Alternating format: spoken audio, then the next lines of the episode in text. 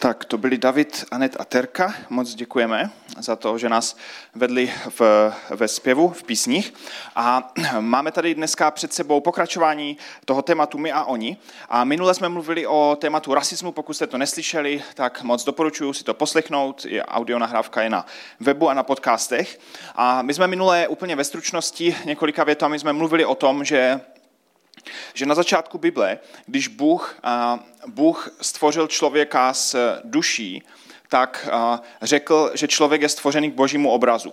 A že to tam není rozdělené, že by to platilo pro nějaký typ lidí více a pro nějaký typ lidí méně, ale když si, když si pustíme ten verš z Genesis na projekci, tak tam je napsané, učiníme člověka k našemu obrazu jako naši podobu. A přestože eh, to, jak se podobáme, to, jak se podobáme Bohu, našimi životy, našimi charaktery, se může lišit, tak to, že jsme stvořeni k jeho obrazu, je neměnné a to platí. Bez ohledu na to, jakou máme eh, barvu kůže, bez ohledu na to, z jakého jsme kontinentu, bez ohledu na to, z jaké jsme kultury. A teď v průběhu měsíce se budeme bavit, že to je i bez ohledu na to, jestli jsme muž nebo žena, jestli jsme staří nebo mladí a jestli jsme eh, bohatí nebo chudí. A já, část mojí práce je tady v ESK a pak v druhé části úvazku pracuji v Křesťanské akademii mladých, kde se věnuju vzdělávání vedoucích mládeží a taky mezigeneračním vztahům v církvi. A to, co já v tom hm, v té organizaci nebo v tom odvětví pracuju několik let a za těch několik let jsem měl tu čest e, vidět spoustu různých církví a nejenom spoustu různých nedělních bohoslužeb, ale i jsem měl možnost mluvit se spoustou různých vedoucích církví a vedoucích mládeží, ze spoustou mladých lidí z církve, kteří vyrostli v církvi nebo nevyrostli a ze, s pěknou řádkou lidí starších, kteří jsou v církvi dlouho. A v průběhu těch let, eh, v průběhu těch let jsem zjistil, že, že mezigenerační vztahy, vztahy mezi mladými lidmi a střední nebo starší generací jsou jeden z největších problémů nebo jeden z největších napětí eh, v církvi v Česku. A že to je něco, co, eh, co překročilo nějaké rozumné meze. Protože to, že když jsme jiní, že si nerozumíme a že to přináší nějaké hm, středně velké napětí. To je docela uh, asi normální a pochopitelné, protože kdokoliv, kdo je odlišný od vás, tak tam v tom vztahu vznikne nějaké napětí, protože prostě se musíte nějak na sebe naladit. Ale v církvi z hodou různých faktorů mám pocit, že často je to opravdu obrovská propast. A když teď budu mluvit těch eh, následujících 25 minut, tak prosím odpušte mi, kdybych trošku moc zobecňoval. Já budu často říkat mladí a staří. A tím nemyslím, že vy, kdo jste eh, staří, jste staří, nebo starší jste staří, jenom tím myslím, že jste starší než ti mladí. Takže když budu říkat mladí lidé, tak tím myslím lidi kolem 20, možná maximálně do 30. A když budu říkat střední generace, střední generace nebo starší lidé, tak tím budu myslet 40 plus. Ať vás to některé teď urazilo. A já upřímně nevím přesně, čím je způsobena ta obrovská propast v církvích mezi generací mladší a starší. Myslím, že možná na to z části mohl mít vliv komunismus, který, který nějakým způsobem zakonzervoval tu kulturu a že se nějakou dobu prostě věci dělaly nějak hodně podobně a třeba hodně černobílé. Myslím si, že z části to je přirozené a přichází to v každé době. Že v každé době mladí lidé budou připadat starším lidem uh, nestabilní, nezodpovědní, rozmazlení a starší lidé budou připadat mladým lidem vždycky um, konzervativní, uh, neochotní dělat změny a takový jako uh, zabředlí v nějaké rutině. Myslím si, že z části to může být taky daň konkrétně v téhle době, protože žijeme v době, kdy se všechno extrémně rychle mění. To, co bylo normální před deseti lety, už dneska normální není a už je jiná doba. A trendy se mění tak extrémně rychle, že nikdo jiný než uh, mladý člověk s připojením k internetu to není schopen stíhat. A dříve v minulosti se kultura nějakým způsobem taky vyvíjela, a i v dobách, kdy byla psána Bible, kultura se nějakým způsobem vyvíjela, ale bylo to přece jenom dost pomalé a ty generace po sobě měly dost podobný život. Když jste byli, eh, když jste byli eh, tatínek kovář, tak vaše dítě bylo taky kovář a vaše vnouče bylo ideálně taky kovář a nějakým způsobem se moc společnost a průmysl nezměnila eh, že by přišly nějaké nové technologie, všechno se automatizovalo. To se dlouhé stovky a tisíce let nedělo. A začalo se to dít až, až v průmyslové revoluci a Zejména teď v posledních letech se to s rozmachem internetu a různých dalších moderních technologií se to tak urychlilo, že pokud jste před pěti lety měli pocit, že, že se vyznáte v téhle době, že, že jste jakž tak cool a že víte, co to znamená být cool, tak, a, tak možná zjistíte po pěti letech, že už jste zase pozadu a že už zase je doba jinde. A někoho, vás to, ně, někoho vás to možná plní takovým nadšením, že super, doba se někam posouvá, rád poznávám, objevuju nové věci. Ale pro řadu z vás, a možná pro řadu z vás, kdo jste starší, tak je to něco, co působí strašně, a, a, strašně nepříjemně. Je to něco, co máte pocit, že ohrožuje, a, ohrožuje církev, ohrožuje výchovu dětí a ohrožuje to nějakou zdravou společnost. A to napětí v církvi a, je přítomné a já jsem přesvědčen, přesvědčen, že se s ním musí něco dělat.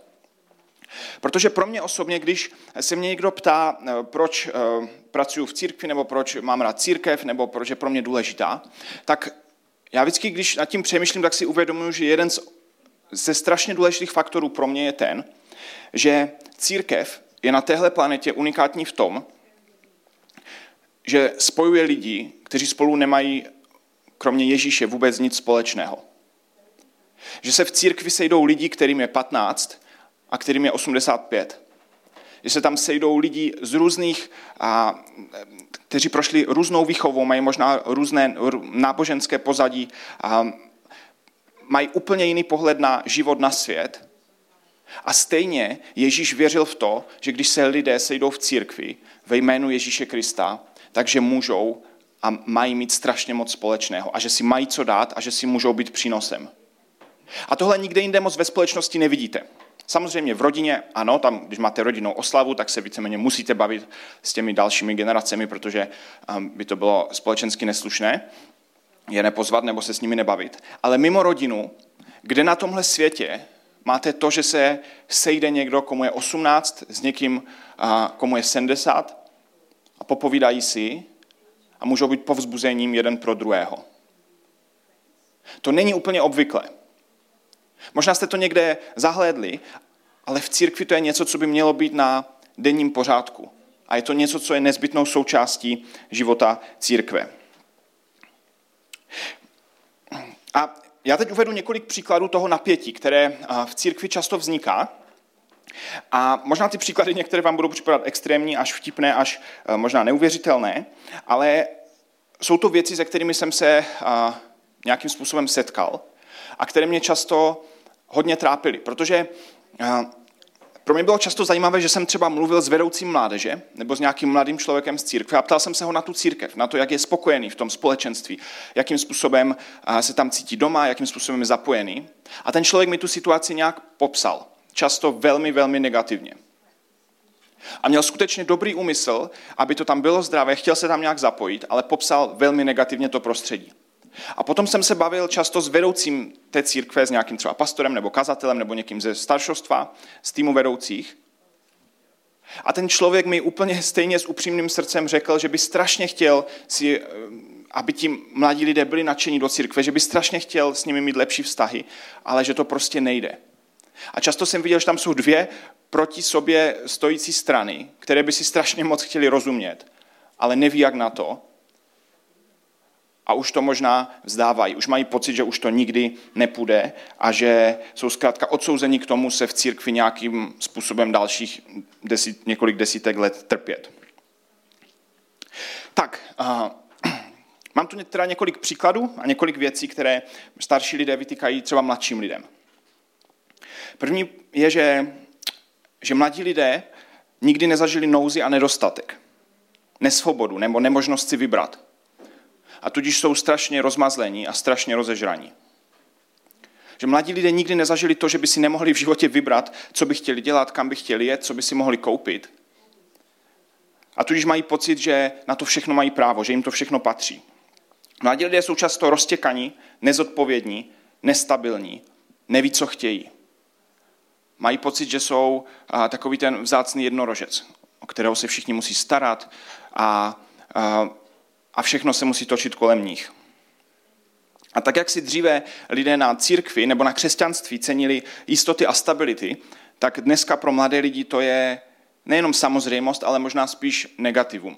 Možná spíš negativní stránka. A jistota a stabilita zní jako spíše něco eh, až moc jako nudného. Zajímavé, že mladí lidé se naučili učit se skrze krátké videa na YouTube.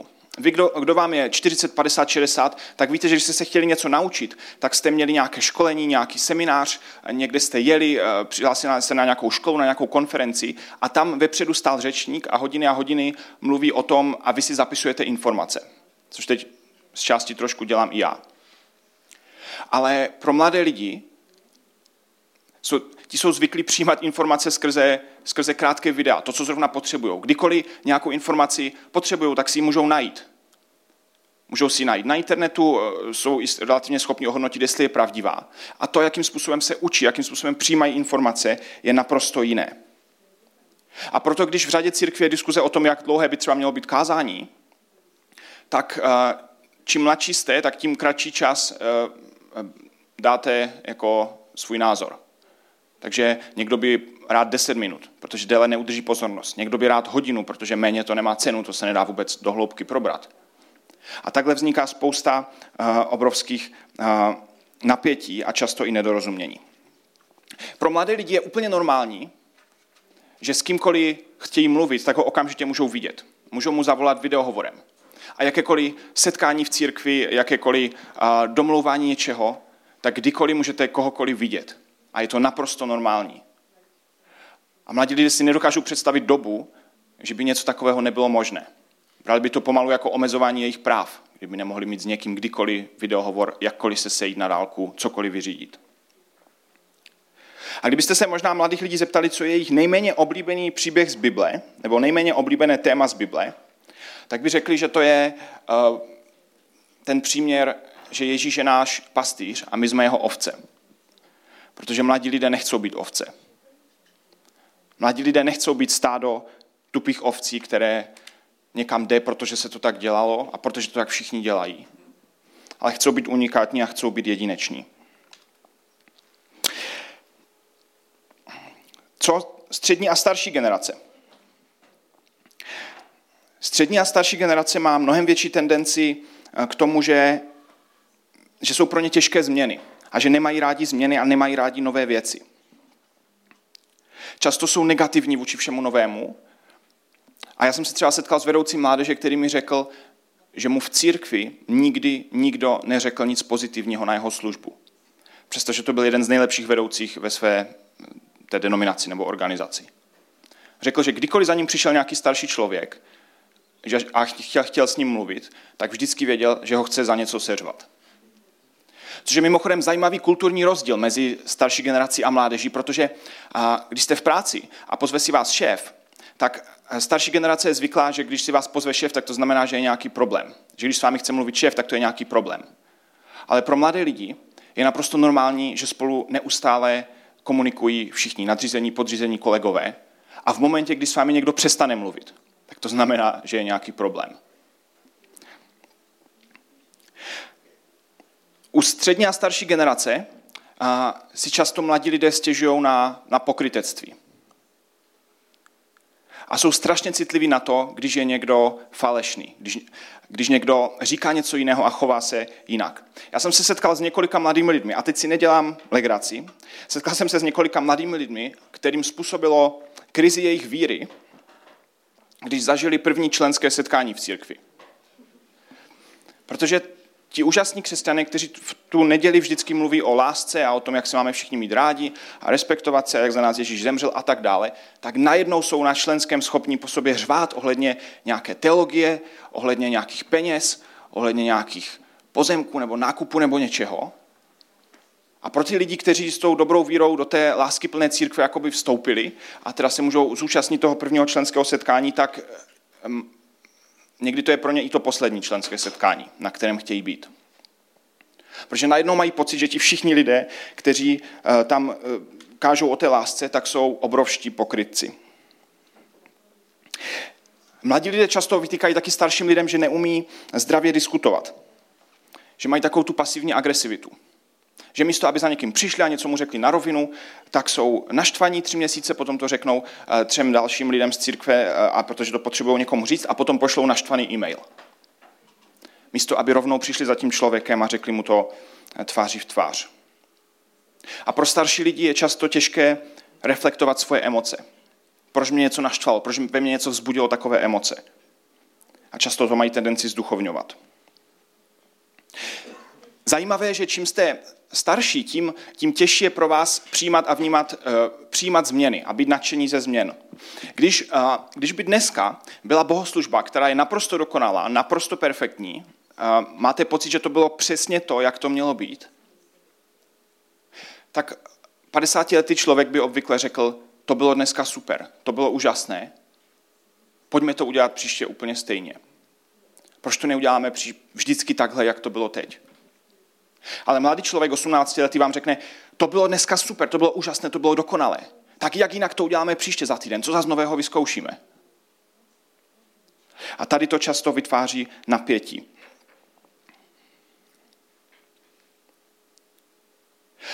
Střední generace, když, se, když má nějaké setkání, když uh, se chce sejít, má nějakou skupinku v církvi nebo tak, tak často jim stačí, že se prostě domluví, protože to je prostě správné se sejít a je to zdravé, tak se domluví, dají si nějakou rozpustnou kávu, někdo upeče buchtu, setkají se v nějaké třeba tiché chladné místnosti a uh, je jim tam spolu dobře.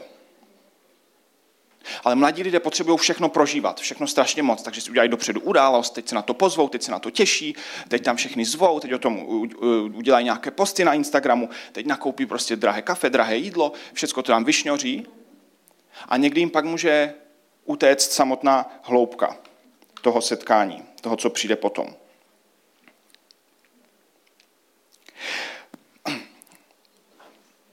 A teď, co s těma změnama? Jakým způsobem, nebo co s tím napětím? Jakým způsobem spojit světy, které jsou často nespojitelné, které mají mezi sebou obrovskou bariéru?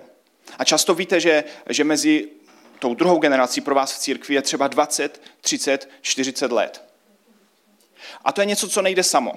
Dobré vztahy v církvi mezi generacemi nebudou proto, že si řekneme, že bychom měli mít dobré vztahy v církvi mezi generacemi. Kdyby to bylo tak jednoduché, tak by to fungovalo všude. A fungovalo by to všude ve společnosti.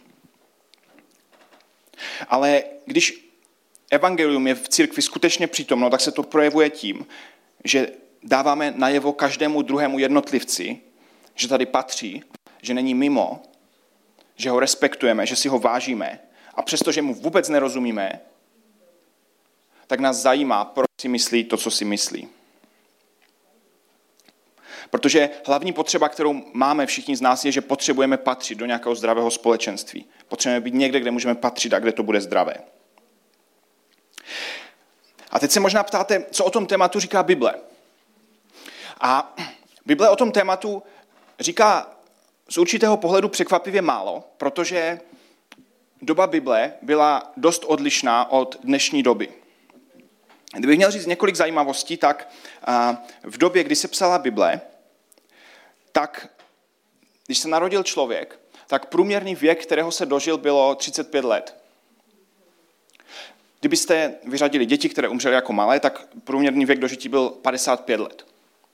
To znamená, že když už se někdo dožil staršího věku, tak to bylo docela uh, úctyhodné. A dneska je průměrný věk dožití kolem 80, to znamená o 25 let více. To znamená, že, že to, jak, jak to máme pestré dnes, je ještě mnohem, uh, je to dneska ještě mnohem pestřejší, než to bylo například ve starověku.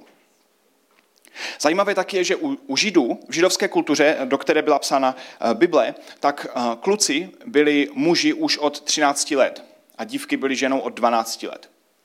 A přestože se kluci mohli, mohli ženit až od 18 a až ve 20 nějak oficiálně si našli nějak jakoby, práci a osamostatnili se, tak lidé dospívali mnohem dříve. A taky rodinné vazby tam byly často mnohem pevnější, než máme dnes v naší kultuře. Takže když dneska čteme příběhy z Bible, tak se na to musíme dívat filtrem tehdejší kultury. Jakým způsobem se přemýšlelo, jakým způsobem ta společnost fungovala, protože to bylo trošku jiné.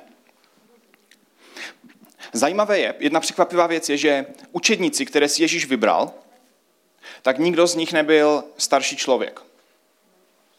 A my nevíme, jaký přesně měl proto Ježíš důvod. Možná, že mladí lidé byli více tvární, možná, že, uh,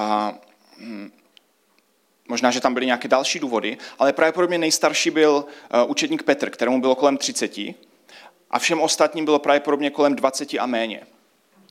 To znamená, že když Ježíš vsadil na nějakou partu lidí, která změní svět, která změní svůj svět a celý svět jednou provždy, tak vsadil na mladé, hloupé, neskušené, nevzdělané lidi.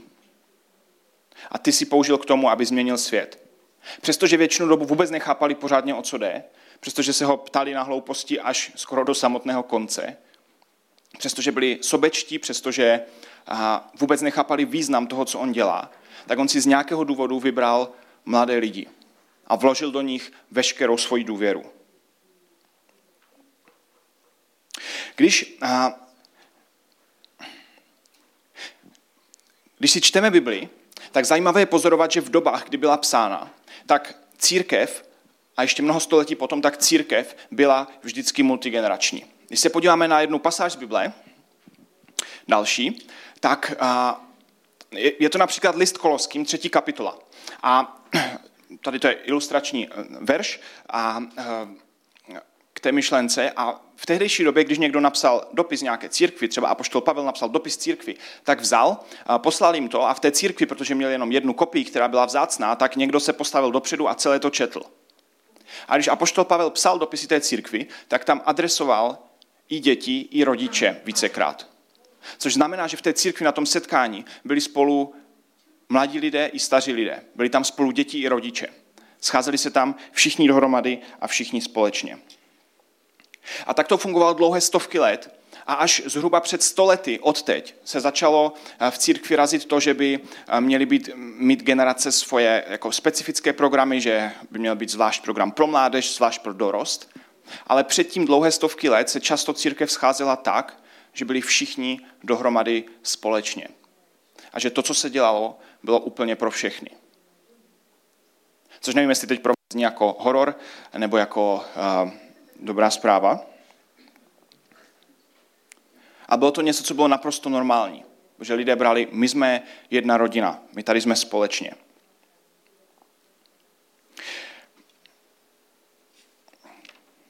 Když bychom se dívali do, do starého zákona, tak tam ta myšlenka byla často podobná. Často tam Bůh zmiňuje mladíci i starci. Přišli tam všichni, mladíci i starci. To znamená, že, že, že ti lidé všichni byli jednotní, společně všechny generace. Když si přečteme jednu citaci z Žalmu 145., tak se mi moc líbí, jakým způsobem ale tam ten žalmista vyjadřuje svoje přání. A říká tam Bohu, jestli přeje, že jedna generace bude vychvalovat druhé generaci tvé skutky a zvěstovat tvé mocné činy. A to je, to je motiv, který se v Bibli opakuje hodněkrát, vícekrát. Opakuje se i v Novém zákoně a tady je tak nejkrásněji poeticky pojatý. Že božím přáním, přáním božího srdce je, aby v církvi to fungovalo tak, že jedna generace druhé generaci vychvaluje boží skutky a zvěstuje jeho mocné činy. Že jedni druhé povzbuzují ve víře, inspirují ve víře, že jsou si přínosem, že si uvědomují, že mají mnohem více společného, než kolik toho mají rozdílného.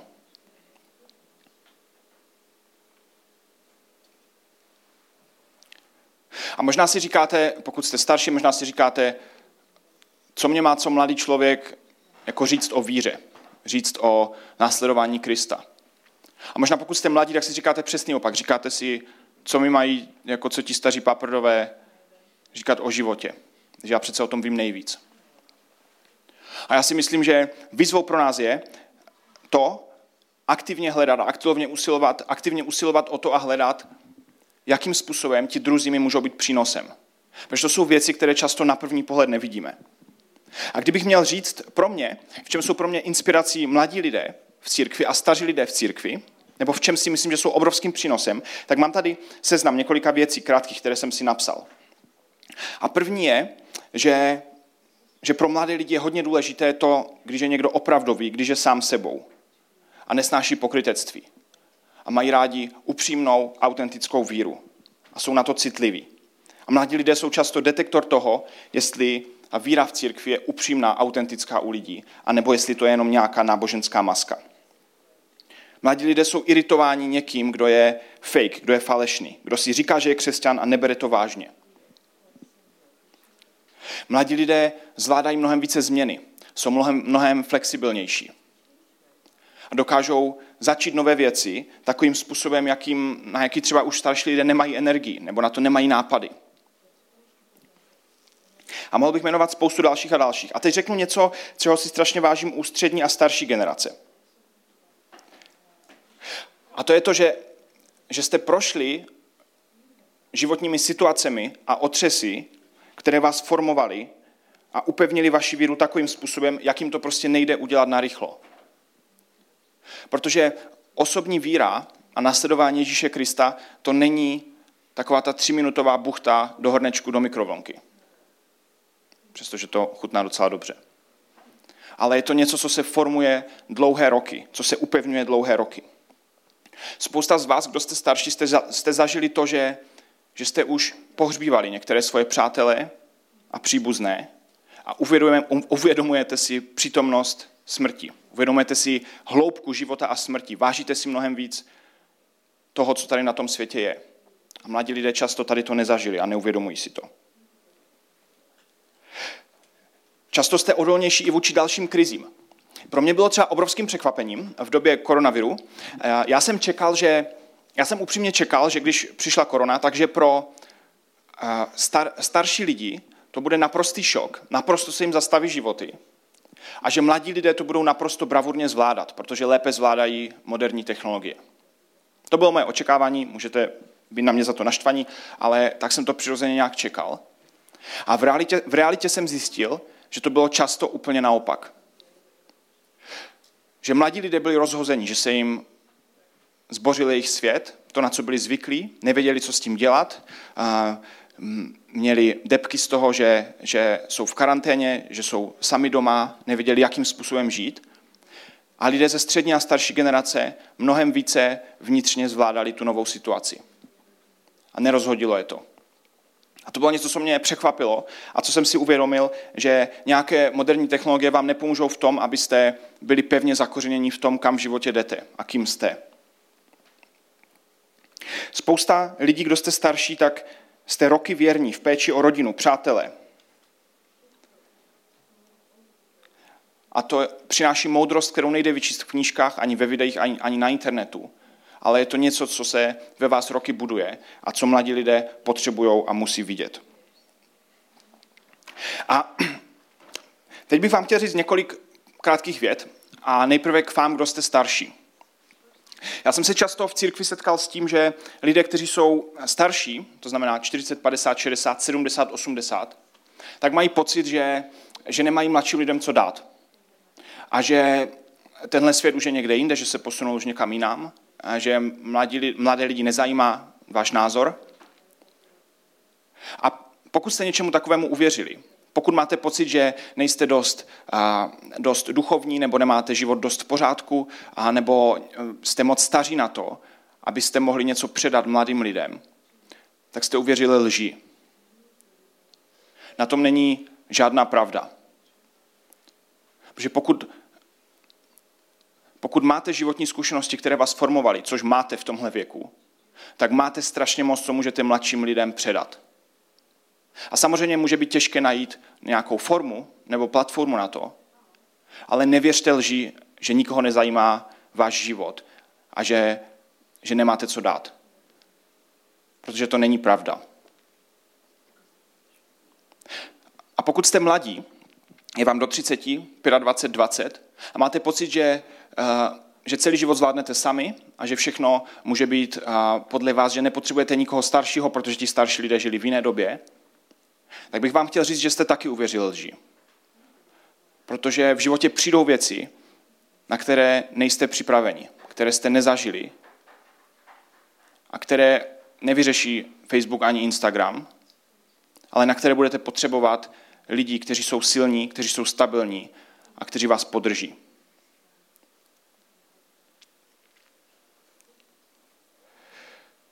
Pokud dýcháte, tak Bůh s vámi počítá a chce, abyste tvořili církev. Abyste ji tvořili s druhými lidmi, kteří vám lezou na nervy, se kterými nemáte nic společného, nebo téměř nic společného, kteří možná mají úplně jinou představu o tom, jak by to všechno mělo být, jak by měl život vypadat. A nesmíme zapomínat na to, že jsme všichni stvořeni k božímu obrazu a že to, co máme společné, je to, tak toho je mnohem více a je to mnohem silnější, než to, co nás rozděluje. Protože věci, které nás rozdělují, těch bude vždycky dost a těch si jde vždycky najít dostatek. Ale pokud jste starší, tak potřebujete mladé lidi ve svém životě. A potřebujete jim předávat to, kým jste a potřebujete se od nich učit. A pokud jste mladí lidé, tak potřebujete starší lidi ve svém životě, jakkoliv jsou jiní než vy, jakkoliv si s nimi nerozumíte, protože oni mají věci, které vám můžou předat. A taky vy máte co předat jim. A tak na závěr tu mám takové tři výroky, které někdo řekl a mě se moc líbily. A myslím si, že se hodně týkají multigenerační církve a multigenerační církve v budoucnosti. Ten první výrok je, nebo taková predikce, nebo možná by někdo mohl říct proroctví, ten první je, že v budoucnu vymřou církve, které milují své metody víc než své poslání. Církve, které, které mají rády nějaké svoje způsoby, staré známé věci, které se takhle vždycky dělaly, nějaké metody, které nás definují, tak pokud církve budou tohle milovat víc než svoje poslání, to, že nás Ježíš poslal zasáhnout tenhle svět, tak takové církve budou vymírat. Protože do takových církví chodí lidé se sobeckými představami, aby se to dělalo tak, jak jsem to vždycky dělal, abych se cítil bezpečně. Ta druhá predikce, nebo druhá věta je, že v budoucnu bude vymírat konzumní křesťanství. A to, co teď řeknu, možná vám bude připadat až příliš drze, ale pokud přicházíte do církve, pokud přicházíte na bohoslužbu s představou, že to je tady pro mě, že já chci, aby to bylo pro mě všechno formou i obsahem, že já chci být spokojený, že já si chci načerpat, že, že to je o mě a já mám svoje potřeby a mně by se to mělo přizpůsobit, tak nikdy nebudete spokojení a nikdy nebudete šťastní. Že když by přišli všichni do církve s tímhle očekáváním, tak by nebyl spokojený nikdo. Když to, když přijdeme všichni do církve s tím, že přijdeme tam s tím, že já chci dát, já chci dávat druhým, já chci být druhým povzbuzením, já chci být druhým inspirací, tak možná nakonec zjistíme, že budeme šťastní všichni. A i ta neděle, nedělní bohoslužba, v budoucnu musí být mnohem více o tom, co můžeme dávat, než co, můžeme, než co chceme přijímat. Před časem jsem četl na Facebooku jeden citát vtipný, eh, eh, který rád občas někde zmiňuji a někdo tam psal, že kdyby se každý staral sám o sebe, tak by bylo o všechny postaráno. Celá vtipné. A, a jsem to četl na jedné bohoslužbě v Brně a oni to moc nepochopili a nesmáli se. A, a tak to je Brno, no. A, a, když přicházíme do církve s tímhle očekáváním, že já si chci načerpat, že já se starám o sebe, že to je tady pro mě, tak to znamená, že čekáte, že dalších 55 lidí se přizpůsobí vám. Ale jakmile budeme všichni do církve přicházet s tím, já chci dávat, já chci sloužit, já chci být druhým povzbuzením a inspirací, tak možná někdo další tam přijde s tím stejným a bude povzbuzením a inspirací nám. A budeme mnohem více šťastní v tom, protože když každý z nás bude chtít, abychom naplnili svoje představy, tak nakonec nebude spokojený nikdo. Tak, vyčerpal jsem téma i vás, myslím. A to je nějak všechno, co jsem chtěl sdělit. Já osobně věřím, že multigenerační církev je něco, co je velmi těžké a něco, co je velmi nezbytné. A pokud to je něco, co, co funguje, tak to může úžasným způsobem odrážet Boží slávu. Může to úžasným způsobem ukazovat společnosti okolo nás, že to může fungovat. A že jakkoliv to vypadá, že to nejde, takže neděláme církev tady proto, abychom dělali jenom věci, které jdou. Které jsou normální, ale abychom dělali věci, které jsou možné jedině v Ježíši Kristu.